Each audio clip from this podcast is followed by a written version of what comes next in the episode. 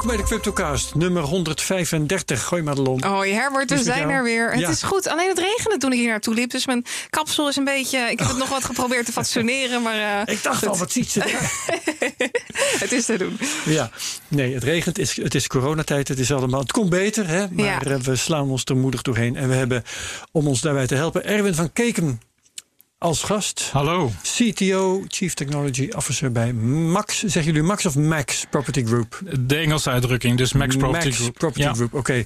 En we gaan het hebben over het digitaliseren van investeren in vastgoed. Kijk. Spannend onderwerp. Leuk, interessant. Eh, verheugen we ons alvast op. Zeker. We geven geen beleggingsadvies. Nooit. Voor wie dat nog niet wist, we zitten op YouTube. CryptoCast.nl heet het account. Daar kun je ons bekijken. Veel mensen doen dat. En we zijn genomineerd. Ja, het is zover. We zijn genomineerd. We hebben er bijna een- het hele jaar naar uitgekeken, naar die podcast awards. Nou, En nu naartoe is gewerkt. het zover. Ja. Ja, eh, eh, Dutch Podcast Awards. Daar hebben wij een nominatie in de categorie zakelijk. Yes. Eh, de vorige keer zaten we in de categorie technologie. Vonden we eigenlijk ten onrechte. Hoewel natuurlijk, je kunt daar ook wel wat voor zeggen. Mhm. Maar we vinden dat, ons, dat we beter op ons plek zijn in zakelijk. We zaten in iTunes ook altijd in de categorie zakelijk. Zeker. Soms zelfs een trending, wat heel erg leuk Ja. is. Dus eh, ja, dat is gewoon onze plek. We willen, misschien moeten we bij de podcast Awards ook in de categorie trending zitten. Dat ja, is, ja, ja. Dat is een goeie. Daar gaan we de volgende keer voor ijveren. Ja. Oké, maar stem op, hun, op ons ehm, op podcastawards.nl. ja, Daar kun je dat doen. Link in de show notes. zakelijk. Doe Link in de dat ook show notes. Je kunt het ook met de hand doen, maar eh, doe het ook echt precies. Ja, want het is gewoon tof als we een CryptoCast, als, als dat gewoon een nominatie wint. Crypto lekker onder een breed Ja. publiek eh, bekend wordt. En Dat. Twitter erover. Deel het op Instagram, eh, YouTube. waar heb je nog meer? Twitter. Twitter, zei ik dat? Oh, LinkedIn? Twitter over. Ja, ja, ja. Facebook. Precies. Van alles en nog wat. Vertel het aan je familie en vrienden. Ja. Ja. En dan gaan we nu echt eh, beginnen. Nee, Zeker. behalve dat we nog één mededeling hebben te doen. Dat is voor mensen die goed zijn in techniek. Mhm. Eh, want ehm, wij hebben de eer om aan te kondigen dat je, als je goed bent in techniek en je vindt het leuk om dat in je werk toe te passen, dat je burgercollega kunt worden bij Defensie. Interessant is, dan ben je dus geen beroepsmilitair. Je werkt gewoon als burger bij Defensie, maar je werkt wel samen met militairen aan technische onderwerpen. Robotica, logistiek, hybride quads. Wist jij dat ze bij Defensie hybride quads gebruikt? Geen Volgens mij zijn idee, dat van die vierwielige Ja, motorfietsen. ja die, die eigenlijk niet op de weg mogen. Hele coole mij. Hele voertuigen. Nee, maar je kunt ze bij mij in de regio wel huren en dan rij je daar toch op Zo'n parcours rijden. Bijvoorbeeld. Ja. Ehm, onderhoud van de nieuwe F-35 gevechtsvliegtuigen eh, is ook een mogelijkheid. Als je dat soort dingen eh, leuk vindt en je wilt daar je beroep van maken, of je hebt het al gedaan, dan kun je naar werkenbijdefensie.nl slash burgermedewerker. Iets voor jou, Madelon. Oeh, eh, nou, ik zit hier wel heel erg op mijn plek, Herbert, moet ik zeggen. Eh, ik moet wel zeggen, die hybride quads, dat klinkt me wel, eh, wel onwijs stof. Maar om daar nou aan te te zitten, sleutelen... denk ik, dan, om Ja, te voor- ja, vooral eh meerijden dan, Ja, Herbert. werken bij defensie.nl slash burgermedewerker. En daarmee hebben wij dat gezegd en kunnen we gaan naar de prijsanalyse. Ja, ja. Het, het- is weer, weer, weer eigenlijk weer een feestje, Herbert. We zitten. Oh ja. Ik vond het maar zijwaarts gaan eigenlijk. Ja, afgelopen periode ging de koers van Bitcoin heel erg lang zijwaarts. Maar we zijn inmiddels 64 dagen lang Oh, dat? Boven de eh 10.000 dollar. Dus dat is nog nooit eerder, eh, heeft dat nog nooit eerder plaatsgevonden. Dus dat is top. Eh, en daarnaast bevinden we ons nog steeds in een opwaartse trend. Nadat we uitgebroken zijn uit die grote driehoek die we eerder besproken hebben. Waar we echt anderhalf jaar lang naar gestaard hebben. We bevinden ons nog steeds in die opwaartse trend. En een, een, een kenmerkend patroon wat we de afgelopen periode zagen. Eigenlijk vanaf 17 eh, augustus tot aan nu, dus oktober. Was dat de toppen op de grafiek steeds verder omlaag gingen. Ja. En dan gaan eigenlijk een beetje de alarmbellen af. Want als Zeggen toppen lager worden, eh, dan betekent dat er niet nieuwe hogere koersniveaus worden gezet. Maar we bevinden ons nog steeds in de opwaartse eh, trend. En we zijn nog niet neerwaarts uitgebroken. En het lijkt erop dat op dit moment een nieuwe eh, hogere top gezet gaat worden. Dus dat we die laatste top die we gezien hebben, dat we daar weer een beetje uitbreken. We hadden een soort van driehoekspatroon waar vele media over geschreven hebben. Ben ik het niet helemaal mee eens. Maar we breken in ieder geval weer wat opwaarts uit. En nu is de bedoeling dat we boven de 11.130 dollar uitkomen. En als dat lukt, kunnen we weer naar boven binnen het opwaartse trendkanaal. En is de weg omhoog weer ingezet. Mochten we hier lager komen de komende periode dan 10.400 dollar dan gaan de alarmbellen wel af, want dan kunnen we fors terug. Maar zolang we daarboven blijven en dus die semi-driehoek waar de media over schrijven, waar ik het niet mee eens ben, maar goed, uh, als we daarboven uh, uitbreken, dan kunnen we weer de goede kant op richting die 14.000 dollar. En daar ben ik dan wel heel erg blij mee. Dat zou wel eens aardig zijn, want um, wat mij een beetje tegenvalt is dat um, ja, we hebben in vorig jaar mei, als ik het goed zeg, hadden we 13.800. Dit jaar uh, is de piek geweest 12.500, of daaromtrent. En uh, ja, wat dat betreft zitten we toch maar steeds tegen plafonnetjes aan te bonken waar we niet uh, bovenuit komen. Ja, dat klopt. Maar vergeet niet, we hebben, uh, als, we, als we de grafiek zien, moet je voor je zien als een, als een grote driehoek, dus een grote vlag. En we zijn nu pas een heel klein stukje aan de bovenkant uit die driehoek gebroken. Dus dat is echt, mm -hmm. als we die hele driehoek pakken, dan is dat hooguit een tiende daarvan dat we er nu boven zitten. En zo'n zo'n opwaartse beweging, dat gaat met ups en downs, dat duurt eventjes. Ja. En dat kan nog wel een half jaar, misschien wel een jaar, misschien nog wel anderhalf jaar duren voordat we echt een hele duidelijke opwaartse beweging zien. Maar als we de grafiek logaritmisch bekijken, dan is die stap naar 14.000 en dan 20.000 heel snel gemaakt. Dus het kan snel gaan, sneller dan dat je wellicht dat verwacht. Klopt, een verdubbeling heb je zo te pakken. Precies. Eenmaal, we maken ja. nu vaart en, en dat is goed. We gaan in ieder geval niet naar beneden. Daar ben ik al heel erg blij mee. Ja. Um, we staan nu op 10.900. Jij zegt, uh, de eerste drempel komen we tegen op 11.150 of zo? Even zien, uh, ja, ongeveer 11.150. Ja. Um, wat wel grappig is, want, want uh, ik laat dus merken dat, dat het mij allemaal wel wat erg lang duurt. Hè? Duurt ook lang. wat ik heb nagekeken, dat is altijd wel heel grappig... om eens even terug te gaan naar overeenkomstige periodes in het verleden. Um, de periode 2015-2016 He, voor het jaar, trouwens 2017 kun je ook naar kijken. Um, zit in herinnering van veel mensen als de tijd dat het niet op kon. Hè, dat het al maar omhoog ging. Ja. Als je dat nog eens goed bekijkt, dan blijkt dat helemaal niet zo te wezen. Uh, dan zie je dat uh, ook in 2015, 2016... dat er hele lange periodes waren... Mm -hmm. dat een bepaald maximum niet werd overschreden. Dat eerder was gehaald. Uh, en die periodes die zijn soms wel een half jaar lang of zo. Mm -hmm. Um, dus wat, wat we nu meemaken, wil ik maar zeggen, is eigenlijk helemaal niet ongewoon. En zelfs in 2017, wat helemaal het jaar was dat het niet opkwam, daar zie je ook momenten dat het, nou, ik geloof dat toen in de zomer, in juli of zo, werd er een, een flinke piek bereikt. En heeft ook heel lang geduurd voordat het daar weer overheen ging. Ja. Ik geloof drie maanden in dat geval. Ik zeg dat even uit mijn hoofd. En nu zitten we er nog meer bovenop. We kijken iedere week naar die koers. En dan ja. is het voor je gevoel, duurt, duurt het ook gewoon weer ja, langer. Maar als je kijkt dus naar wat ik gedaan heb, naar bitcoinchart.com, daar mm -hmm. kun je de, je eigen grenzen kiezen en bepaalde periodes bekijken. Ja. Of 99 Bitcoins hebben ook een hele mooie Bitcoin History grafiek. Uh, dan kun je dit soort dingen nazoeken. En dan zie je dus dat het eigenlijk heel vaak gebeurt. Dat, uh, dat het uh, na, een, na een snelle piek het een hele tijd blijft wapperen. Vooral vorig jaar was dat natuurlijk heel erg aan de hand. Maar nu uh, eigenlijk ook weer een beetje na die 12.500 dat we uh, een tijd lang hoofdzakelijk zijwaarts gaan. Maar goed, onthoud dus wel dat als we eenmaal omhoog gaan, dat het dan ook heel snel dan kan. kan het gaan. heel hard gaan. Ja, ja nou, ik ben benieuwd. Uh, ik help het je hopen. Goed zo, dat uh, was dat. Um, we zijn toe aan het nieuws. Nou, we hebben Erwin van Keek al een tijd niet gehoord. Uh, Luister aandachtig. heb, ja. jij, heb jij nieuws voor ons meegenomen? Ja, een, nieuws in zoverre uh, dat uh, wij zijn natuurlijk een heel jong, uh, va, de, door vastgoed gedekt leningenplatform. En het, het mooie nieuws is dat we ja, vorige week met de eerste lening en vandaag, vanochtend wel te verstaan, met de tweede lening aan, aanvraag publiek live zijn gegaan. Ik had gehoopt hier te kunnen mededelen dat de eerste volledig was volgeschreven. Nou, die is een heel lent, maar nog net niet helemaal daar. Okay. Maar de overtuiging wel dat we dat deze week nog, nog voor elkaar krijgen. En dus op naar de, naar de volgende stap. Oké, okay, spannend. Ja. Gaan we zo direct verder praten over nou ja, de techniek daarachter ja. en jullie zakelijke ideeën waarom je doet wat je doet en waarom je het doet zoals je het doet. Daar ja. komen we straks verder op terug. Jouw nieuws, Madelon. Ja, ik had uh, nieuws over de Rabobank.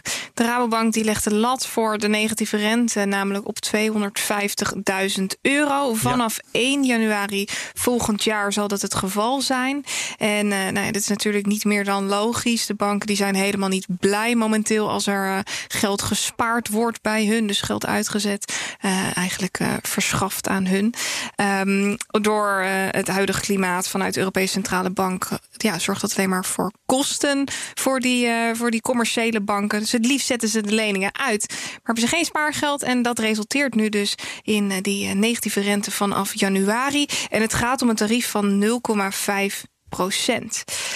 Um, wow, ja. ja. dus dat is behoorlijk aanzienlijk en behoorlijk fors. En Ja. je ziet alweer de discussie oplaaien van, uh, van analisten die dan, uh, die dan zeggen, of onderzoekers die dan zeggen: ja, maar het is eigenlijk ook wel weer een beetje logisch. Hè?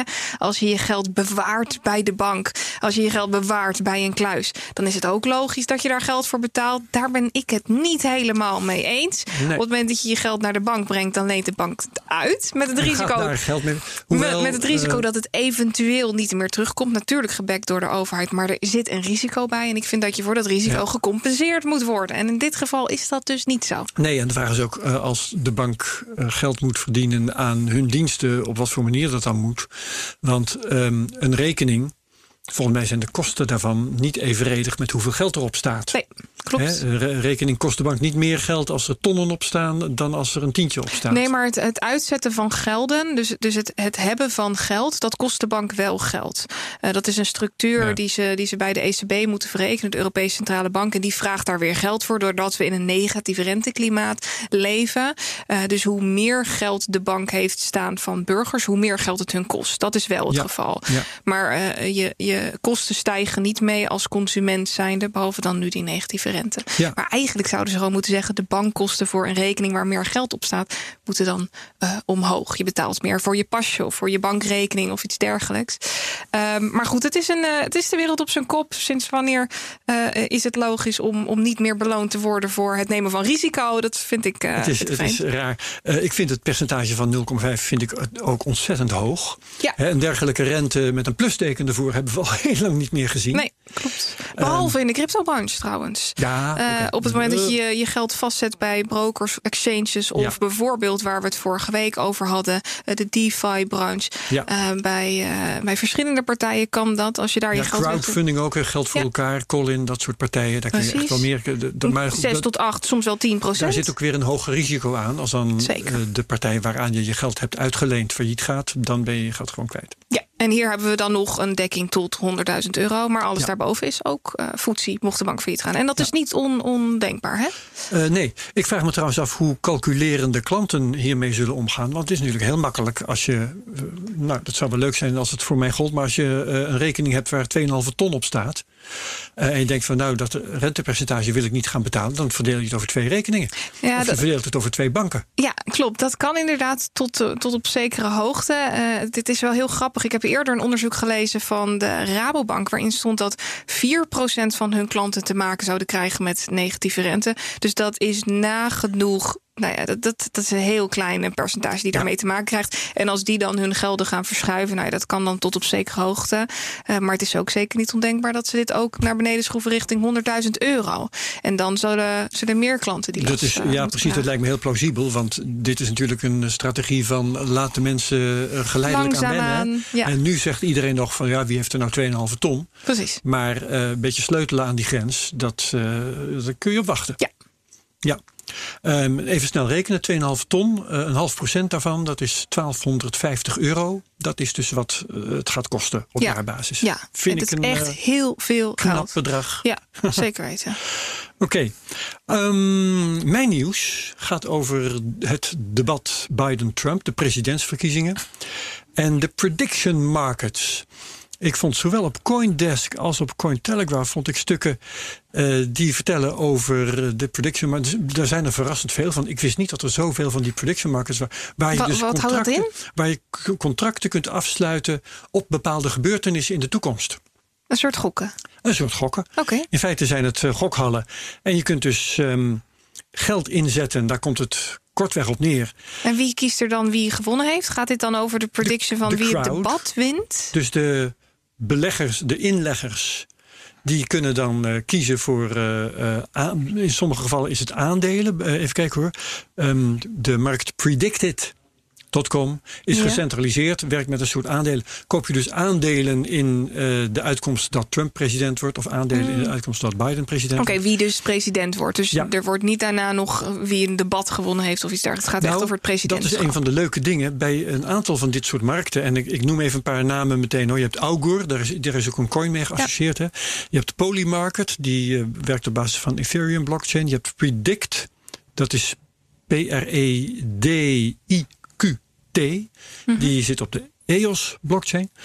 Ehm, en eh, wat we ook hiervan gaan zeggen. eh, oh ja, daar kun je bij een aantal daarvan kun je live volgen hoe die koers zich ontwikkelt. Net zoals je dat bij de Bitcoin doet. Ja, En dan kun je dus ook tijdens het debat kun je dat zien veranderen.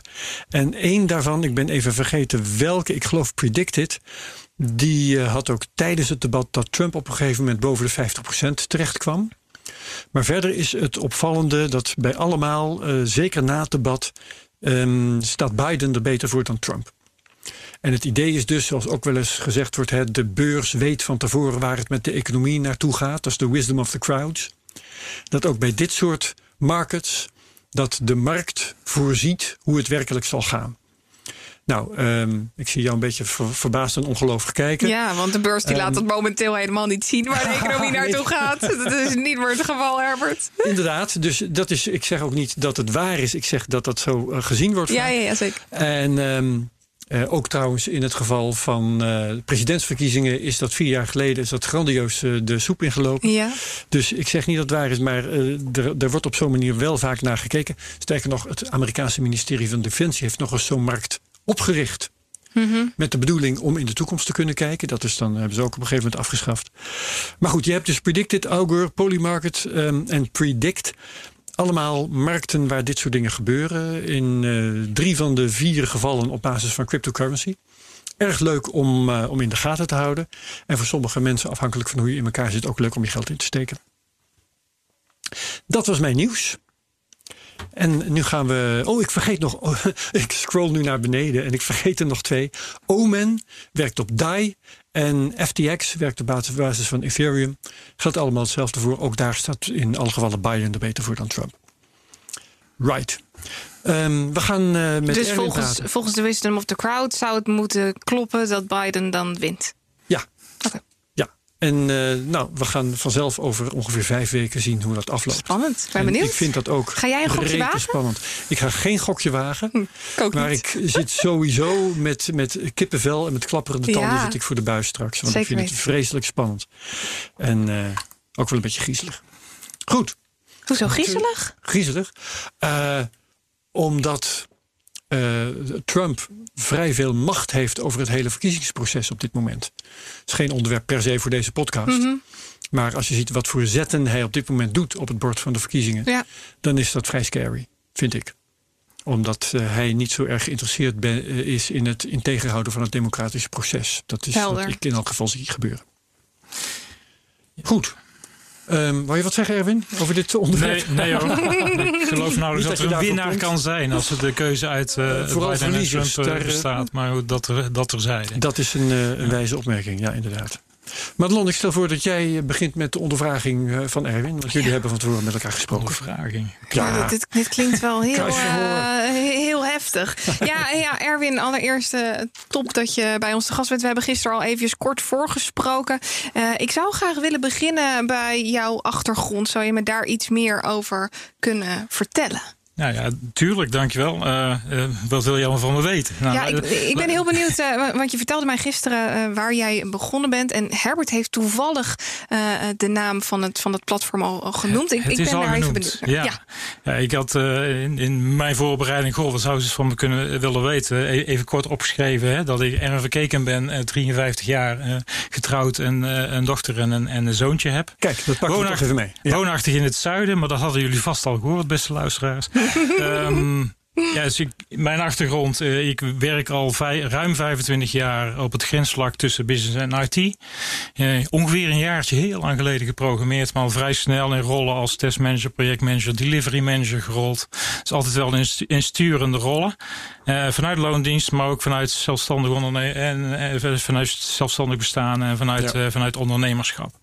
Ehm, ja, de naam werd al even kort genoemd. In een verder verleden inderdaad een van de medeoprichters geweest van het Colin Crowdfund uh, platform. In die tijd uh, verantwoordelijk voor de ontwikkeling van het, in ieder geval de initiële versie. Colin zei je, ja. ja. oké. Okay, ja, ja, dus dat, met die achtergrond ben ik inderdaad twee jaar geleden aan boord gekomen bij Max Property Group, waar we het eh, nu vandaag over, over hebben. Kun je me daar iets, iets meer over vertellen, over Max Property Group, in de basis waar, waar, waar het voor staat?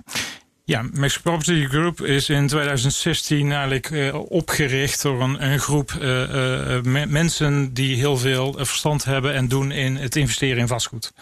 In een brede zin des woords. En de eerste ja, de eerste bedrijfsactiviteit is geweest de, de, het uit, de uitgifte van een uh, Max Property Fund, een obligatielening. Dus mensen konden daarop geld inleggen en, en van dat geld, voor die grote pot met geld, he, die redelijk korte tijd succesvol is volgeschreven is, vastgoed aangekocht in Rotterdam-Zuid, waaruit de huuropbrengsten worden uh, de, de, de kwartaal renteverplichtingen voldaan aan de investeerders. Dus hoe, hoe, hoe ging dat dan concreet in zijn werk? Even voor onze luisteraars die geen idee hebben hoe deze branche werkt. Stel, ik zou willen investeren in vastgoed, dan meld ik me aan bij Max Property Group. Wat gebeurt er dan?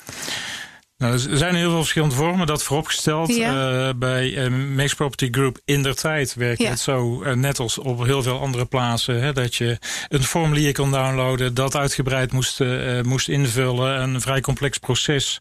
En vervolgens in de gang werd gezet om je identiteit te verifiëren, zoals door de AVM wordt ja. voorgeschreven, et cetera. Dat is een, een redelijk omslachtig en tijdrovend proces. Vandaar dat je ook ziet dat in de vastgoedwereld vaak de instapbedragen behoorlijk hoog zijn. Hè, wat de drempel wel, uh, wel aardig verlaagd. Nou, de eerste inzet uh, die Max Property Group heeft gedaan. Bedoel, wacht die... even, even toelichting vragen. Uh, instapbedragen hoog, hoe verlaagt dat de drempel? Dat snap ik niet. Eerder, ik zou je zeggen dat het de drempel verhoogt. Eh, eh, dan heb ik me wellicht vergist. Ik had bedoeld te zeggen dat inderdaad die drempels zeer hoog zijn, doordat dat proces zo tijdrovend zijn. Ja. dus het, het, is geen uitzondering hè, dat het bedrag van 25, 50 of zelfs 100.000 of hoger is om in te stappen. En dat is logischerwijs niet voor iedereen weggelegd. Ja, ja, ja. Nou, omdat, omdat die uh, procedures van Know Your Customer zo uh, voor jullie een, een belasting zijn. Uh, ja, voor, voor iedere partij. Hè, en, ja. en, maar ook de verwerking van papier. Het moet er ergens over overgenomen van dat papier in het systeem. Dat eh, geeft overhead ja. en dan zeg je dus van nou liever alleen klanten boven een bepaald bedrag. Exact. Ja, okay, dat, dat, is wat. Nou, de, deze groep heeft Max Opti Group opgericht met het idee dat het anders beter moet en vooral laagdrempeliger moet. Dus voor een groter publiek bereikbaar moet worden. En de eerste stap daarvoor is, is Max Property Fund geweest, zoals ik zojuist uh, schetste. Uh, gevolgd overigens door een, een, een, een, een UK en een, en een Duitsland exemplaar. En een tweede Nederlandse fonds. maar het eerste was nog uit mijn hoofd 10.000 euro. Ik, ik, was er toen nog niet, hè, maar dat was de eerste drempelverlaging. Daarna is het verder verlaagd naar 1000 euro. legal. Inmiddels zijn we gestart met een crowdfunding platform. Uh, wat een instapdrempel van slechts 100 euro heeft. Ja, dat is geen serieuze drempel meer. Die, die trend uh, ja, is, is, is ingeslagen, zeg maar. Maar vanuit dat oorspronkelijke doel. wij moeten de, de, het investeren in vastgoed toegankelijk maken voor een veel breder publiek dan in het verleden het geval was. Werd dat papierwerk dan ook minder? Want jij zei net, er moest heel veel papierwerk inge, ingevuld worden. Daarom was, werd die drempel zo hoog. Die drempel is nu omlaag teruggebracht. Hoe is dat papierwerk naar vorm gegeven? Uh, door mij twee jaar geleden aan boord te halen met uh, die kennis en ervaring. Hè. Dus het oude platform uh, Colin uh, is, is, is ontworpen en, op basis van STP, Straight to Processing. dus met minimaal ingrijpen van, van menselijk handelen. Dus zoveel als mogelijk geautomatiseerd verwerken van, van processtappen. Denk aan het, het, het, ontvangen en versturen van betalingen, maar ook identificatieprocessen geïntegreerd met service providers die, die daar sterk in zijn. Ja. zodat je ja, je eigenlijk alleen op de uitzonderingen. Datgene wat niet geautomatiseerd beslist kan worden, dat leg je voor dus persoon. Die overheadkosten heb je weten te, ja. uh, terug te brengen. Ja, en dat maakt het mogelijk in combinatie natuurlijk met een beoogd volume. Hè. Dus als je maar één lening per jaar zou volschrijven, dan is logischerwijs dat platform niet, uh, niet rendabel. Maar ja. hè, dus uh, op, een, uh, op een grotere schaal absoluut. Ja, en wat ik dan nog een spannende vraag vind, als je zegt we accepteren ook klanten die 100 euro inleggen. Um, denk je dan ook op die 100 euro uh, te verdienen? Of is het zo dat je zegt van oké, weet je, als we nou 10 klanten binnenhalen die 100 euro um, uh, inleggen, dan zijn er altijd nog wel twee die later doorgaan naar de 10.000. En daar maken we winst op. Dat maakt niet uit, simpel gezegd. dus het verdient maar, de, uh, laat zo zeggen, een, een, een geldlener of geldnemer, uh, zo je wilt, die heeft een, wil een x-bedrag hebben en betaalt een vergoeding voor in eerste instantie het plaatsen van de lening, ah ja. het publiceren daarvan. Mm -hmm. En als het succesvol is, betaalt hij uh, daar, daarover nog een percentage. Um, en, en als de lening succesvol tot stand komt, en dat kan door 10, 100, duizend verschillende investeerders zijn dat maakt op zich voor het proces uh, niet uit. Want dat wordt volledig geautomatiseerd verdeeld. Hè. Dus, um, dus ongeacht wat je inlegt, um, er wordt een bedrag bijeengebracht. Dat wordt verzameld, uitgeboekt naar inhouden van kosten. Hè. Daar besteed aan het doel. En periodiek wordt rente, aflossing en kosten weer voldaan door de geldnemer. En dat wordt ontvangen en weer geautomatiseerd verdeeld over de, de rekeningen van ja. de, de investeerders. Ja, en heb je maar 100 euro geïnvesteerd, dan zul je een lager bedrag aan rente en aflossing ontvangen dan wanneer je 10.000 euro had geïnvesteerd. Dat maar dat maakt voor de, de geautomatiseerde verwerking uh, niets uit. Ja. Dus, en daarom neemt het die drempel ook, uh, ook weg. Ja. Ja, mooi leuk. Kun je wat vertellen over uh, Max Crowdfund in de basis, hoe dat begon in, in 2018? Ja, toen ik aan boord kwam, september 2018, uh, was er Dominion. Dominion was, een, een, het was eigenlijk de ITO-uitgifte. Het was een, uh, wat geautomatiseerd was, was het identificatieproces. En je kon inschrijven op de toenmalige uitgifte van uh, het, NPG-token. Um, dus dat was ook echt een ICO? Dat is echt een ITO geweest in de tijd. Vrij slechte timing. jullie noemden hem al. dus we waren nog niet live of de bitcoin maakte zijn welbekende duidelijk duikeling. He, wat de wereld, zeg maar, voor, even voor de ITO's niet bepaald eenvoudiger op maakt. En desondanks is nou, dat enigszins redelijk gelukt. En dat geld hebben wij uh, gebruikt, zoals ook uh, verteld en beloofd aan, uh, aan, de, aan de inleggers, om Max Crowdfund tot stand te brengen. Dat platform verder te, ver, verder te ontwikkelen. Nou, Dominium is per, per januari 2019 omgedoopt naar Max Crowdfund. Um, en ja, is van een ITO-pagina naar een, platform gegaan, hè, wat, uh, wat eigenlijk voorbeduurde op wat er al was. Je kon ook nog steeds uh, tokens kopen, maar vooral ook je kon uh, geautomatiseerd gaan inschrijven op de fondsen die uitgegeven werden op dat moment nog. Waarom waren die tokens destijds zo van belang? Wat deden die tokens? Nou, feitelijk, feitelijk niets. Uh, uh, ja, het, het, is een middel, het is een behoefte. Hè. Wij, onze ambitie is om vastgoedinvesteringen en op termijn een vastgoedportefeuilles op blockchain weg te kunnen schrijven. met de doelstelling om gewoon een transparant inzicht te geven in. Um, en ja, om dat te doen hebben wij een, child chain zelf uh, gelanceerd, uh, wat NPG heet. En wat automatisch komt met het utility token NPG. -hmm. um, dus die zat er gewoon bij. Dat was gewoon ja, een, een da, compleet da, full option pakket, zeg het maar. Het is een full option pakket. Uh, dus het is blockchain as a service. daar betalen wij een x-bedrag per jaar voor. En daarmee kunnen wij een hele hoop out-of-box technologie gebruiken. Hè, waar je voor bijvoorbeeld een Ether, Ethereum oplossing veel meer moet programmeren en aardig uh, ja. Uh, ja. diepgaande kennis moeten hebben, vooral een, een taal als Java, uh, is dat veel mindere mate nodig voor, voor Ardor technologie. He, die, die komt met een zeer uitgebreide API. Jij noemt nu Ardor voor de luisteraars die dat niet kennen. Kun je dat wat uh, explicieter uh, uitleggen? Ja, het is een, uh, ja, een relatief onbekende niche, denk ik, voor, voor, voor, veel personen. op een aantal, je ziet hem terug op CoinMarketCap. hij wordt verhandeld op de ja. nodige beurzen, zo gezegd, als je het hebt over Ardor en Ignis. Ardor is de, de hoofdblockchain, zal ik het maar even noemen, de hoofdchain. Ignis is eigenlijk de eerste afgeleide childchain daarvan, die allerlei extra's biedt, die wij nuttig nodig hebben voor onze toepassing. Mm -hmm. En daar hebben wij feitelijk dan weer een kloon van. Ignis was de eerste uh, uh, child chain. En uh, wij, die, die technologie is gedupliceerd naar een aantal andere, waaronder de NPG child chain. Maar nog eventjes over die tokens die jullie verkocht hebben. Ja. Was dat niet ook gewoon een manier om aan fondsenwerving te doen? Ja en nee. Je brengt natuurlijk de tokens in circulatie uh, met het idee hè, dat dat in de toekomst uh, ook, ook ja, nou, een soort van ruilmiddel kan zijn. Ja. Oorspronkelijk bedoeld als, als ja, noem het maar even, strip, strippenkaart. Dat is eigenlijk de, de makkelijkste, makkelijkste vergelijking.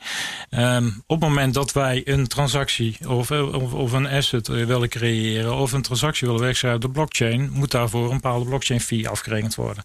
De eerste stap is het wegschrijven naar de shardchain. Daarvoor worden MPG-tokens gerekend. Die moeten dus mensen hebben om iets te kunnen doen. Mhm. Eh, de tweede stap is het bundelen, zoals dat uh, dan werkt, uh, op de hoofdchain, op de Arder chain. En daarvoor dan Arder, dan wel voor specifieke transacties Ignis tokens geregeld. Nou, daar zit een, een verhouding tussen. Er staat een bepaalde fee in Arder of Ignis. En er is een actuele koersverhouding tussen Arder en MPG bijvoorbeeld. En dat bepaalt dan wat een gebruiker die bijvoorbeeld een asset creëert. Of die een, een aantal NPG-tokens wil verzenden naar een andere wallet. Wat die aan een blockchain fee op dat moment moet betalen. Klinkt eh, voor de gemiddelde belegger best wel ingewikkeld. Ja. Als je met dat, dat soort dingen te maken krijgt. Klopt, en daarom hebben we het ook, ook dat weer eh, verregaand uh, ge, uh, geautomatiseerd op, op platform. Hè. Dus je ziet in, in onze community eigenlijk een heel, heel, heel twee, een, ja, een, een splitsing. Enerzijds hebben een, ja, echt de tech-savvy groep, zeg maar, die vaak al diep in Arder, Ignis, et cetera zit, zeer geïnteresseerd is in crypto. Een, een gemiddelde leeftijd zelden hoger dan 30 heeft, eerder beduidend jonger. Mm -hmm. Waar de andere categorie, de meer terug traditionele vastgoedinvesteerder is. En nou, die begint op zijn vroegst bij 40, uh, hè, maar in de regel uh, 50 jaar of ouder is. Ja. En, dus, en, en die laatste groep is zeker niet tech-savvy, om het zo maar te zeggen. Mm -hmm. Dus die moet je het zo eenvoudig mogelijk maken. En dat hebben we gedaan op ons platform. En, en uh, het blockchain gedeelte, want jij zei die, die, die die utility token die kwam er eigenlijk bij. Dat was een compleet pakket. Uh, jullie hebben natuurlijk uh, gekozen voor de blockchain onder andere om het transparant te maken. Maar wat waren daar uh, expliciet de voordelen van om voor deze optie te gaan? Zoals ik al zei, de groep is opgericht door een groep die al heel langdurig investeert in vastgoed.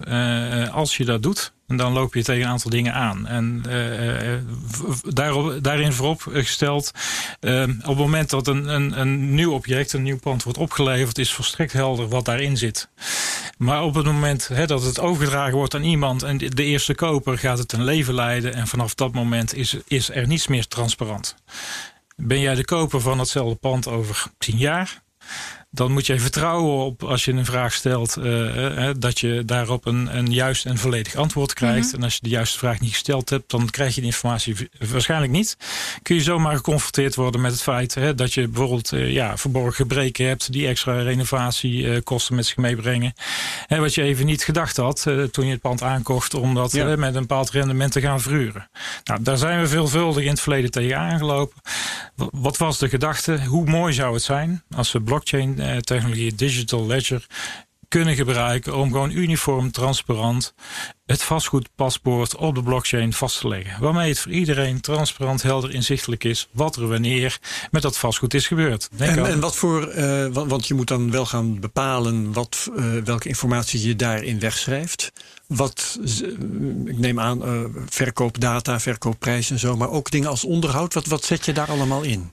Uiteindelijk wel. Hè. Dus dan wil je alle facetten, hè. verkoop, verhuur, uh, uh, maar ook beheer, klachtenbehandeling. Je, je, je kunt daar heel ver in gaan. Dat doe je natuurlijk niet in één klap.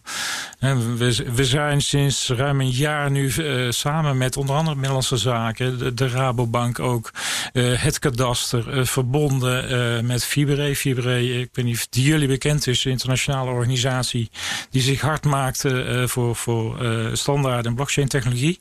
Okay. De Nederlandse tak richt zich nu op het definiëren van die standaard voor representatie van vastgoed op de blockchain.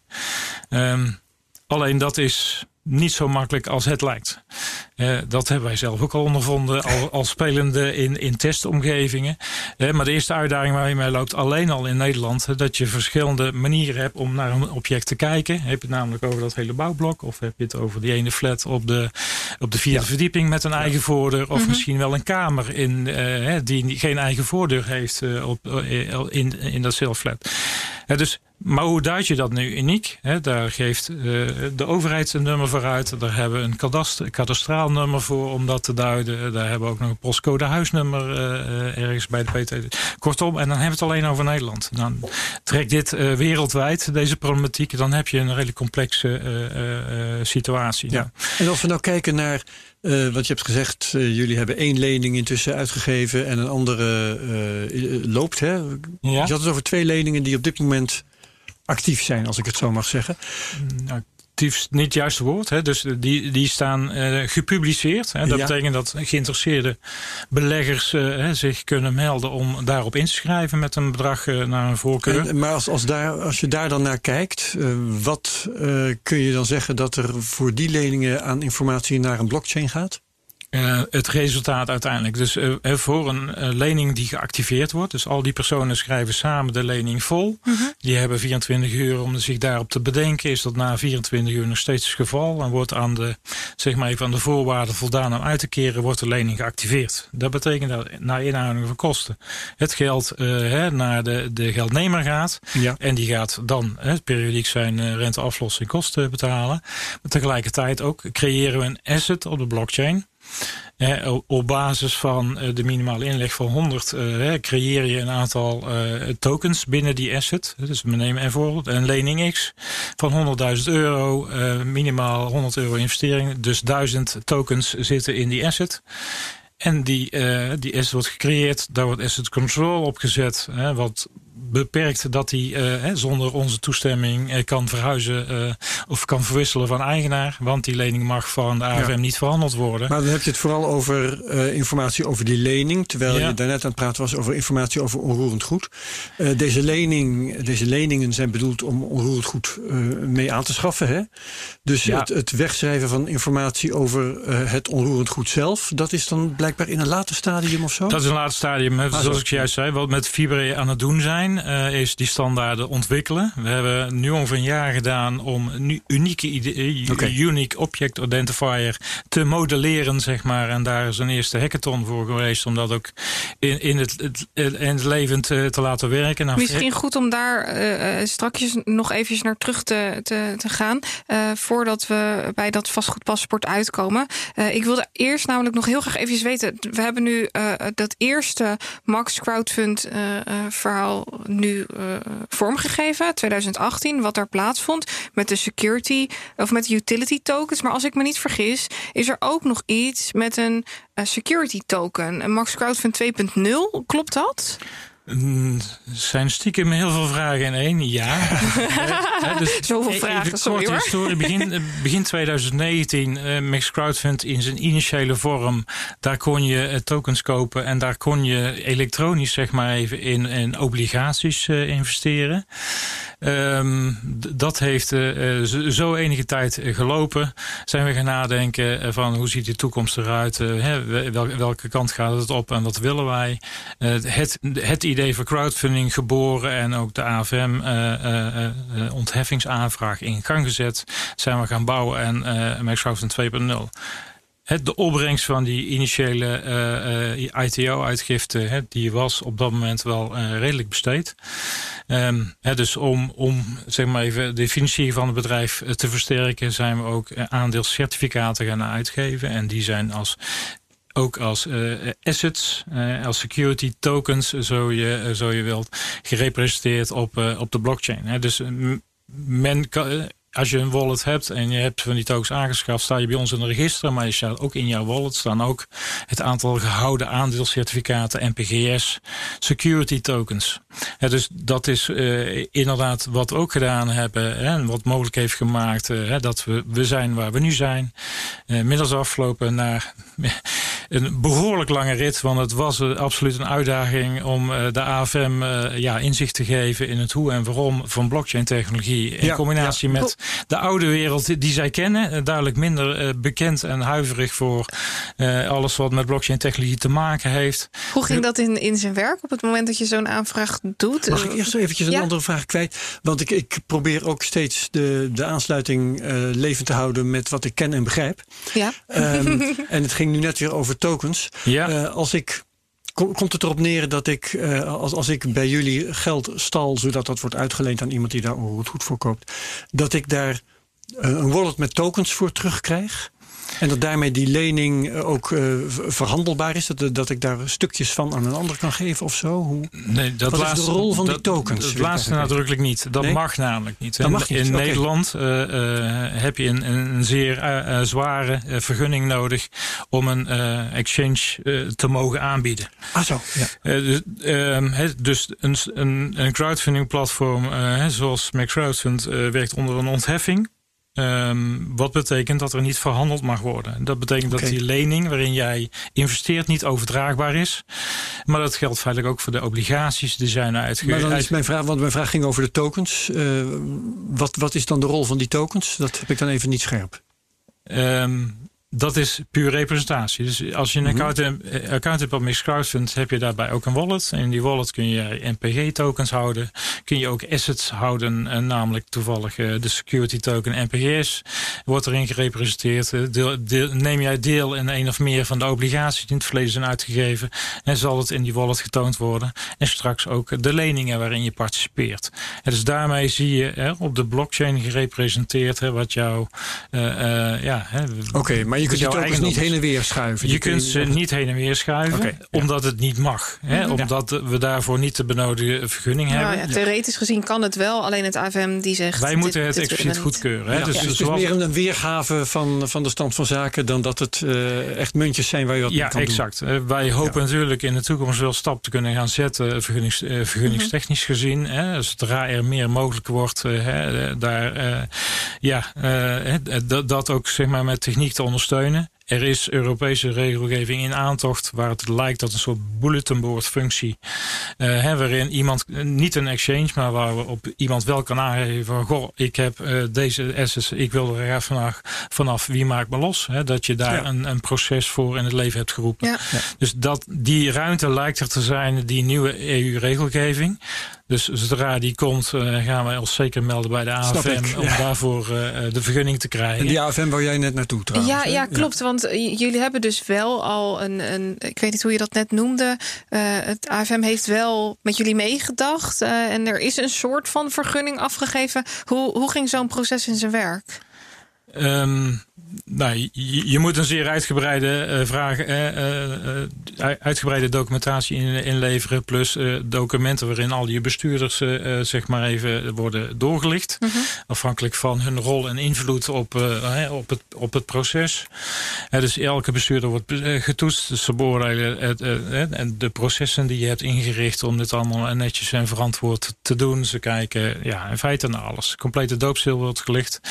En ja, omdat het bedrijf al nodige historie had, leverde dat ook zeer veel vragen op. Dat was eigenlijk de eerste ronde. Wat je, het, dat is vrij gebruikelijk, zeg maar. Hebben we Ja. tijd bij, bij Colin ook uh, mee, meegemaakt. Even, even tussendoor, omdat je zegt, het bedrijf had zeer veel historie, dat neem, leverde de nodige vragen op. Um, noem eens een voorbeeld. Nou, wat je bij veel crowdfunding platforms ziet, is dat ze vers schoon beginnen. Dus nieuwe BV's oprichten. Ja. Uh, en daar zit dus geen historie in. Um, Max Crowdfund of Max Property Group als uh, 100% aandeelhouder van Max Crowdfund bestond al sinds 2016, had uh, obligaties uitgegeven, et cetera. Heeft, heeft dus aandeelcertificaten uitgegeven. Nou, heb zeer veel, heel hard aan de weg getimmerd aan marketing. Hè. Dus er levert zeer veel hits op als je in Google het een en ander intikt. Dus dat is ook wat ze allemaal gingen bekijken? Dat is echt diepgaand uh, bekeken en onderzocht. Dus, dus, dus, dat is het eerste ronde. Maar dat is vrij gebruikelijk. Leidt al tot iets meer vragen. In de, in de tweede ronde hebben we met name meer in, ingezoomd op ja, alles wat te maken met blockchain technologie. Er is een aparte meeting online nog geweest met specialisten die ze hadden aangehaakt. Die dan verstand hadden van, van blockchain. waarin ik in gesprek waarmee ik alle vragen, allerlei vragen heb moeten beantwoorden. Wat het dan is en hoe het werkt, et cetera. Ja. Dus een beetje zoals we hier nu doen, maar dan even een tandje dieper. Ja. Maar dat heeft zeer veel vragen uh, opgeleverd. En, ze, ja, en, en onze waarneming is dat ja, het, het, is anders. Het is redelijk onbekend. Het is onzeker hoe ze, zeg maar even de risico's, zoals de AFM denkt, daar goed, goed van kunnen beheersen. En dat betekent dat ze terughoudend zijn om even te roepen van nou, prima, ga uw gang. Hoe staat het met de deskundigheid van de AFM op blockchain gebied? Moest je ze alles uitleggen of viel dat mee? Um, er lopen vast. Uh, nou, die ene specialist die ik gesproken heb, uh, die, die kwam wel. Ik heb hem niet persoonlijk gesproken, maar dat ene gesprek zeker wel kundig over. Um, maar goed, die, die is een aantal uurtjes ingehuurd om een mening te geven en een aantal vragen te stellen. Ja, maar ja, Uurtjes het hele dossier. Uh, we hebben, zijn 14, 12 tot 15 mensen of zo betrokken geweest die er iets van moeten vinden. Maar betekent dat dan dat jullie dat ook moeten betalen? Want jij zegt net, hij is een aantal uurtjes ingehuurd? Ja. We zijn er nog over in gesprek, maar dat is een schrikbarende hoeveelheid uren. A, door de minister vastgesteld 200 euro per uur uh, besteed aan ons dossier. Wow. Uh, dus, dus, dat zit niet in de vergunning erbij in. Dus je moet los die uren die, zij aan onderzoek hebben verricht ook nog Die vergunning uh, uh, die kost niks. Maar de uren die ze besteden... Of het is steeds gezien geen vergunning, maar het is een ontheffing zoals ik al zei. Vergunning is nog veel erger. Mm -hmm die, moet, die moet van de minister uh, kostendekkend zijn. Nou, daar hebben ze uh, wat op gerekend tot de conclusie gekomen. Hè, dat uh, de seniors die naar je dossier kijken 200 euro per uur moeten, moeten kosten. En ja, als, als dan iemand daar heel lang, langdurig... en niet alleen langdurig, maar ook heel veel uren mee bezig is. Dan loopt dat voor in de papieren. Wisten jullie dat eigenlijk op voorhand? Nou, er geldt een maximum, maar ik had ook ervaring uit het verleden. En dat maximum gold bij mijn weten in de tijd ook al. Dus ik had niet te. Be, uh, hij viel ongeveer twee keer zo hoog uit uh, dan ik verwacht had dat hij zou uitvallen. Zo. En dan praten we niet over een paar duizend euro. nee, ja. nee, nee, nee. Wauw. Ja, en dat, dat vind ik nou met name weer jammer. Het is niet alleen een vreselijk hoop geld, maar het is ook een enorme drempel voor, denk ik, een bedrijf als het onze, wat ja, graag innovatief bezig wil zijn. En ik, daarmee het met moest vallen. Ja. Hè, nee, maar iets, iets anders doen dan uh, te doen gebruikelijk, zeg maar even, daarin nieuwe stappen zetten. En, en, en, ja, dat je daar feitelijk voor gestraft wordt. Zo, zo voelt het wel. Ja, dus ook met het oog op, op strakjes een eventuele vergunning ten aanzien van dat vastgoedpaspoort, uh, wat je dan zou moeten aanvragen of waar je nog een stapje verder in moet. Als dat opnieuw langs deze weg gaat, dan kan ik me nadenken, ja, indenken dat je daarover wilt. Sorry dat ik in de reden ja? Niet zeker van of dat gereguleerd is, uh, maar uh, dat terzijde. Maar ja, als we naar een, een stap van, van ontheffing naar vergunning willen, en afhankelijk van welke soort betekent dat ja, weer, weer een, eenzelfde ritueel, dan mag je hopen dat het, het, ja, het pad wat nu effend is, ja, helpt om, om daar wat sneller en vlotter doorheen te komen.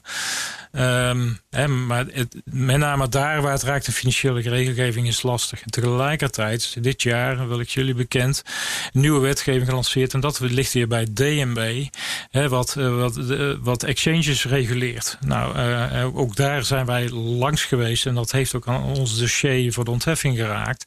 Van worden wij wel als niet, of niet bestempeld als een, uh, als een wisseldienst in de definitie mm -hmm. van, van het DNB. Nou, wij vonden eigenlijk van niet. Het is gewoon een utility token, geen, geen coin. Maar uh, ja, daar dacht in ieder geval in eerste instantie DNB toch duidelijk wel anders over. Maar het had ook zijn weerslag. Uh, hè, want uh, ja, de AVM ging stilzitten om, omdat er iets aan de hand was met wisseldienst gebeuren. Terwijl dat niets, maar dan ook niets te, technisch, juridisch gezien, te maken heeft. zijn verschillende toezichthouders, zeg maar, in, in, in die zin. Ja. Hè, met die dossiers begonnen elkaar wel te raken. Wat voor verdere vertragingen ja. en ook tijdsbesteding dit, dit vertel je ja. in reactie op mijn vraag van hoe zit het met de deskundigheid. Maar als ik het goed begrijp, is die deskundigheid dus uh, wat aan de magere kant. Want jij kon moeilijk uitleggen hoe je vond dat het met jullie bedrijf zat. Nou, uiteindelijk hebben ze wel kunnen overtuigen. Maar wij ja, hebben de AFM moeten veel vertellen. tijd gekost. Ja, en wij hebben de AFM moeten vertellen, of duidelijk moeten maken, hè, dat uh, we al dan niet ge, gezien worden als een wisseldienst niet te niets te maken heeft en mag hebben hè, met het uh, verstrekken van de ontheffing. En daar, hè, bij nader onderzoek, hebben ze dat inderdaad bevestigd. En positieve dingen, hè, als we het dan hebben over innovativiteit en hoe gaat de overheid daarmee om. Want juist DNB in die zin positief. Dat is in eerste instantie gezegd hebben van ja, wij zien jullie als wisseldienst. Hè, want je kunt bij jullie een euro omruilen voor iets wat crypto is. Ja. En dat in onze definitie ben je dan een wisseldienst. dus daar hebben we geaccepteerd en we hebben tijdelijk, in ieder geval tijdelijk, ja, alles wat riekt naar omzetting van euro naar mhm. crypto en vice versa uit ons platform moeten halen om die, om die reden en moeten uitleggen naar onze, ons publiek. Maar vervolgens is DNB bij ons teruggekomen met de boodschap van daar willen we toch nog even een keer goed naar kijken. Daar zijn ze, ja, dat is door corona en de, en de zomer uh, even op een, een backburnertje gegaan. Maar daar zijn ze nog naar aan het kijken. Overigens is het zo dat dus met. Het kan zijn dat je dat weer kunt terugschroeven. Ja, dat, ja. dan aan de ene kant misschien fijn is, aan de andere kant ook weer een hele stap om dat weer allemaal ongedaan te maken. Ja, ja, goed. We uh, wisten wel dat we het een keer terug wilden hebben, dus we hebben het niet weggegooid. Hè. De, de, die, zo verstandig zijn we dan ook alweer. Ja, oké, dat is helder. Madelon. Ja, ik ben aan het kijken naar eh, de vraag of wij inmiddels overal uh, doorheen zijn. Ik vond de, de, de toekomstplannen ten aanzien van het vastgoedpaspoort uh, nog interessant. Ik heb je daar net op afgekapt midden in je verhaal toen ik nog benieuwd was naar Max Crowdfund 2.0. zou je me nog iets meer kunnen vertellen over die toekomstplannen ten aanzien van het paspoort? Want dat is iets wat, wat ik onwijs interessant vind, met name ten aanzien van het feit dat als je een, een vastgoedpand aankoopt, dat je dan niet weet wat de verborgen gebreken zijn. Je weet niet wat er uh, aan een verbouwing geweest is. Of dat er iets ontdekt is tijdens de verbouwing. Uh, dus ik ben heel benieuwd naar hoe jullie dat vorm willen gaan geven. En hoe ik het voor me zie. Ik heb ooit een keer een documentaire gezien van een, van een, een, een, journalist. En die meneer die had het over koelkasten. En hij zei: wat wij kunnen doen, zijn koelkasten dusdanig bouwen waarin we een koelkast een paspoort meegeven. En dan weten we precies waar zo'n koelkast uit bestaat. En dan kunnen we als die koelkast af is, dus aanhalingstekens, alles weer uit elkaar halen. En dan kunnen we de stukjes zilver weghalen, ijzer, metaal, smelten we allemaal weer om. En daar kunnen we weer een nieuwe koelkast van bouwen met de nieuwe technologie die er op dat moment is. En hij gaf toen ook het voorbeeld dat het ook met vastgoed, met panden zo zou kunnen. Van duurzame producten, maar ook uh, van uh, metaal, whatever. Um, ik ben benieuwd hoe, hoe, hoe, jullie dat nu zien. Dat is al, inmiddels al wel vier jaar geleden dat ik die docu gezien heb. Is dat een beetje hetzelfde idee? Of gaat het echt over de geborgen gebreken uh, en de, de, de, ja, hetgeen wat opgeknapt is? Ja, de, het eerste deel gaat natuurlijk heel sterk over de bouw van een object en wat zit daarin. Mm tot, eh, tot, met het gebruik van materialen en, en duurzaamheid daarvan. Dat is dan iets minder onze business, zo gezegd. Maar wel op het moment dat het pand is opgeleverd, is bij zijn eerste eigenaar. Uh, uh, de, dan gaat eigenlijk een, ons beeld van een, een vastgoedpaspoort spelen. Of dan gaat het leven, laat ik het zo zeggen. Dus ja, het kan bewoond worden, maar het kan verhuurd worden. Het kan van eigenaar wisselen. Nou, al, al die processen kun je ook uh, bedenken. Ja, die doen we al uh, zeer lang op een en dezelfde manier. Met, waarbij we naar de, makelaar heeft daar een rol, de notaris heeft daar een rol in. Um, maar als je kijkt naar de, de, de blockchain-wereld, kan dat nou niet slimmer, efficiënter. Daar zien we wel degelijk haakjes in hoe dat zou kunnen. Hebben we dat al uitgekristalliseerd en, en ontworpen papier? Nee, dat hebben we zeker niet. Maar we hebben daar wel ideeën over hoe dat anders, handiger, slimmer kan. Um, in eerste instantie vanuit onze eigen behoefte, als wij een brand aankopen, willen wij daar graag alles van weten en niet verrast worden door verborgen eh, gebreken. dus uh, we hebben zelf natuurlijk een tak van sport die gewoon uh, verhuren en beheer van, van panden in, in Rotterdam doet. dus bestaande, bestaande panden, maar ook als je het gaat overdragen. Nou, dat, dat, is een zeer aparte wereld. En ja, ook wij hebben onze, onze zepers meegemaakt. Um, en, maar daarom hebben we ons dus verbonden in die instantie Fibre. En dan zie je hè, dat, uh, of die samenwerking met Fibre, zo moet ik het zeggen. Dan zie je dat een, een binnenlandse zaak heeft daar een belang in. Maar een kadaster heeft heel andere belangen. Een, een financierder zoals Rabobank heeft weer zijn eigen belangen. Wij zijn dan een partij die in het beheer, meer in het beheer en, en aankoop, uh, et cetera, van vastgoed zitten. Mm -hmm. die hebben weer een andere invalshoek is, dat is een redelijk complex proces. Dus uh, in antwoord op jouw vraag, een lange, uh, een lange route. Ik denk nog een proces van jaren. Uh, om tot zeker internationale standaarden uh, van, uh, van dat vastgoedpaspoort. Ja, binnen juridisch kader en ja. met alle belangen meewegend. maar vooral die uniformiteit. En we hebben ook bewust de keuze gemaakt om nu niet te gaan freewheelen en onze eigen standaarden dan alvast maar te implementeren. Om dat straks weer over de schouder te kunnen gooien. om naar die nieuwe blockchain standaarden te gaan. Mm -hmm. Dus we proberen daar dicht, dicht achteraan te lopen dus dus, eh, als we daar stappen in zetten, hè, diezelfde stappen, eh, als ze definitief zijn, ook op ons platform te gaan implementeren. Ja. En zo die technologie op ons platform te gaan laten groeien. Ehm, je zei net, je gebruikt het woord zeepert. We hebben onze, onze zeeperts meegemaakt. Eh, wat voor fouten hebben jullie bijvoorbeeld gemaakt in het hele proces? Nou ja, fouten, de verborgen breken kunnen talloos zijn. Als je het hebt over. Sorry, als je het hebt over, over, een pand. Hè. Zoals ik al zei, als je de juiste vraag niet gesteld hebt, er zit geen niet noodzakelijke informatiebrengplicht bij de verkoper. Eh, eh, je bent er ook niet altijd 100% zeker van hè, dat je als je een, een vraag stelt, eh, dat je een, een, een, zeg maar in ieder geval een volledig antwoord krijgt. Ja, de- denk aan, ik noem maar wat, ja, toch achterstallig onderhoud. Je had zelf moeten zien dat er termieten in die balken zitten. Heb je dat niet gezien? Heb je, de- heb je, dan Ja. heb je pech gehad en, en dan is het de sche- herstel van de schade voor jouw rekening. Hè, dus dat, dat bedoel ik met, eh met CEPERS. Hè. Als je ja, panden van eh, 10, 20 jaar oud in Rotterdam-Zuid koopt, hè, dan zit er best wel eens een keer wat tussen, hè, wat eh, dan misschien net even een gebrek had. Het mooie voordeel is dat we dat in een zeer goede tijd aan de markt hebben gekocht. En dat het dusdanige waardeontwikkeling heeft eh, hè, dat, eh, dat zich inmiddels wel opgegeven heeft. Maar dat kan ook anders zijn. Ja. Ja, ja. Ehm, nog even terug naar die blockchain. Eh, jij hebt bij, eh, bij Colin gewerkt, heb je al verteld. Eh, daar, ja, ik- weet niet hoe dat daar technisch werkt, maar niet met een blockchain voor zover ik weet. Nee. Dus mijn vraag, jullie doen nu iets wat wel wat weg heeft van wat Colin doet, namelijk geld binnenhalen van mensen die, ik zal maar zeggen, geld te veel hebben en dat uitlenen. Wat voor concurrentievoordeel geeft die blockchain je nou precies? Nou, ik zou haast willen zeggen niet. Oké. Je, je, zou, hè, je zou het NPG-token. wat ik niet heb verteld is. eh, eh, NPG-tokens die gebruikt worden om, voor het betalen van transacties op platform. die burnen wij. Dat hebben we afgesproken. En dat is er eenmalig 1 miljard uitgegeven. Eh, er komen er nooit meer bij. En dan gaan er alleen maar af. Hè, dus, nou goed, eh, eh, eh, dan, dan lijkt het evident dat op enig moment ja, er schaarste gaat ontstaan. En daarmee dus de koers van dat utility token, de waarde daarvan omhoog gaat. Buiten het feit dat op de digitale exchange van hè, met Arder, Ignis, et cetera staat, staat het ook op een aantal publieke exchanges. St- Stacks Probit zijn de meest gebruikte op dit moment. Al dan niet bekend bij jullie, dat weet ik niet. Maar hè, waarbij pers tegen Ethereum, eh, Bitcoin, et cetera, eh, ja, mogelijk zijn. Dus je, Ja. je kunt, jij kunt daar ook in, eh, in, in, in handelen, in treden en anticiperen op die waarde. Dus dat, dat is eigenlijk de, de plus, maar dat is niet direct waar het voor bedoeld is. Nee. Feitelijk doen wij hetzelfde. Dus wij moeten, ja, wij concurreren vooral op onze kennisexpertise in vastgoed. Wij doen alleen maar door vastgoed gedekte leningen. Ja. Hè, die, die- en ten behoeve van va- vastgoed. Maar hoe zit het dan met, eh, met de eh, transparantie? Want die, die, eh, er zouden allerlei data over het onroerend goed eh, zou in die blockchain terechtkomen. Ja, straks. hè, straks. later. Hè, dat is die ja, ja. toekomstvisie. Hè. Ja. Dus ja, daartoe zijn we Nee, met precies. blockchain begonnen.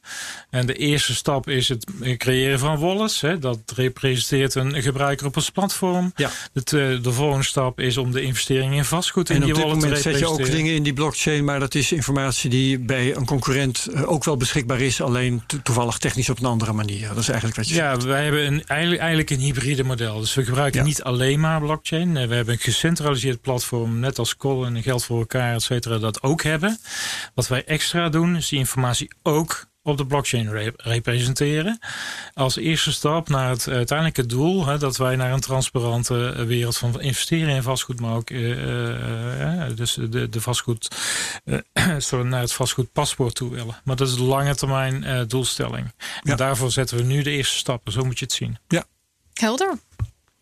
Ik heb nog, eh, nog één vraag. En eh, dat is de vraag die we eigenlijk meestal aan het begin stellen. Want ik realiseer me dat die Oh, nu ja. niet gesteld is. Ja. Eh, vind ik toch leuk om die er nog even achteraan te gooien. Hoe heb jij eigenlijk ooit met crypto kennis gemaakt? Meestal, soms dan levert dat bij mensen aardige verhalen op. Dus herinner jij je nog hoe je voor het eerst crypto tegenkwam? Uh, ik ben erover gestruikeld. Nee, nee, eigenlijk niet echt. Ja, ja, en natuurlijk, eh, het feit dat ik in de IT gewerkt heb, eigenlijk altijd wel. Hè, dus met, met veel met techneuten te maken heb, is een redelijk vroegtijdig stadium. Uh, wel, uh, wel overgegaan. Maar ik ben er niet heel vroeg ingestapt, jammer genoeg. Ik bedoel, hè, ja, dat zeggen we allemaal. In, in de tijd hè, dat we hè, van vermogen aan bitcoin konden afrekenen van pizzaatje, had ik graag mee willen maken. Maar dan die pizza niet besteld hebben. Ja. Nee, dus ik ben pas later uh, uh, ja, in geïnteresseerd geraakt. Ook een, een, een beetje aangesnuffeld. Zo'n beetje bitcoin, een beetje Ethereum. Een beetje Ethereum, maar, maar geen grote volumes. Ik heb natuurlijk NPG-tokens, uh, logischerwijs. Uh, dus, maar ja, op, op relatief beperkte schaal. Het gaat mij niet zozeer om, om het treden. Dat is ook niet mijn persoonlijke ambitie. Um, ja, ik vind het vooral heel leuk om een platform te scheppen en daarmee bezig te zijn. En wel de, de kennis en de technologie de, uh, uh, daarachter te, te begrijpen. Um, en ik stuur ook het ontwikkelteam aan wat, wat daarmee aan de slag moet om stappen te zetten. Ik vind het ook leuk om die uitdaging om de, de, wereld van uh, financiële regelgeving, om dat te vertalen naar een oplossing die, die past binnen die regelgeving op blockchain. Want dat, geloof me, dat is nog niet zo eenvoudig. Hè. Ja. Het is zo uh, ja, liquide als het maar gaat. Hè. Zo makkelijk om een bitcoin of, of, of een willekeurige coin van, van eigenaar te laten verwisselen.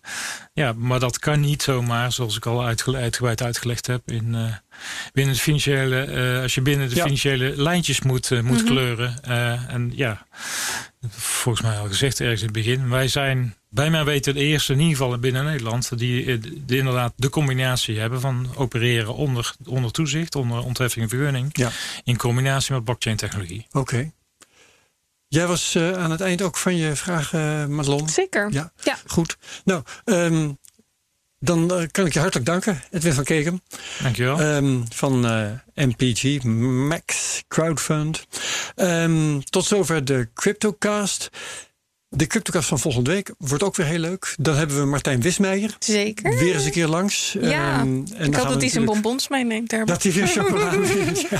Dat is eigenlijk het voornaamste. Ja, ja, ja. Nee, we gaan met hem praten natuurlijk over de stand van zaken wat betreft Bitcoin ATM's. Bitcoin geldautomaten. Er staan ja. er nu 15.000 op de hele wereld, kwam ik laatst tegen in een bericht. Mm -hmm. En um, ik heb nog iets anders met hem afgesproken dat we gaan bespreken. Ik kwam namelijk uh, op Twitter een keer de vraag tegen, ik weet niet meer precies hoe of waar. Um, stel dat ik een miljoen aan, uh, uh, aan bitcoins wil kopen, hoe kan ik dat het beste doen? Dat wordt best een, wel een lastig verhaal. Ja, een hele interessante vraag. Ja. Want dan moet je misschien niet via exchanges gaan doen. Maar er zijn wel verschillende. Misschien moet je het in een, een Bitcoin ATM gaan stoppen. Maar over de counter is natuurlijk een, een mogelijkheid die ja. dan zich opdringt. Er zijn allerlei manieren om aan bitcoins te kopen. En laten we eens gaan bespreken hoe je het beste die, dat miljoen ja, tof. aan bitcoins uh, kunt gaan, uh, kunt gaan uh, aankopen.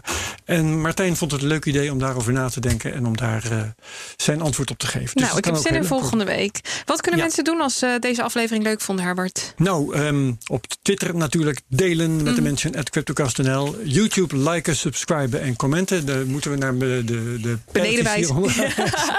en als we natuurlijk kans willen maken op die mooie bokaal van de natuurlijk, Podcast Awards. Stemmen op uh, podcastawards.nl. Ja. Hè? Dat uh, moet je zeker ook doen.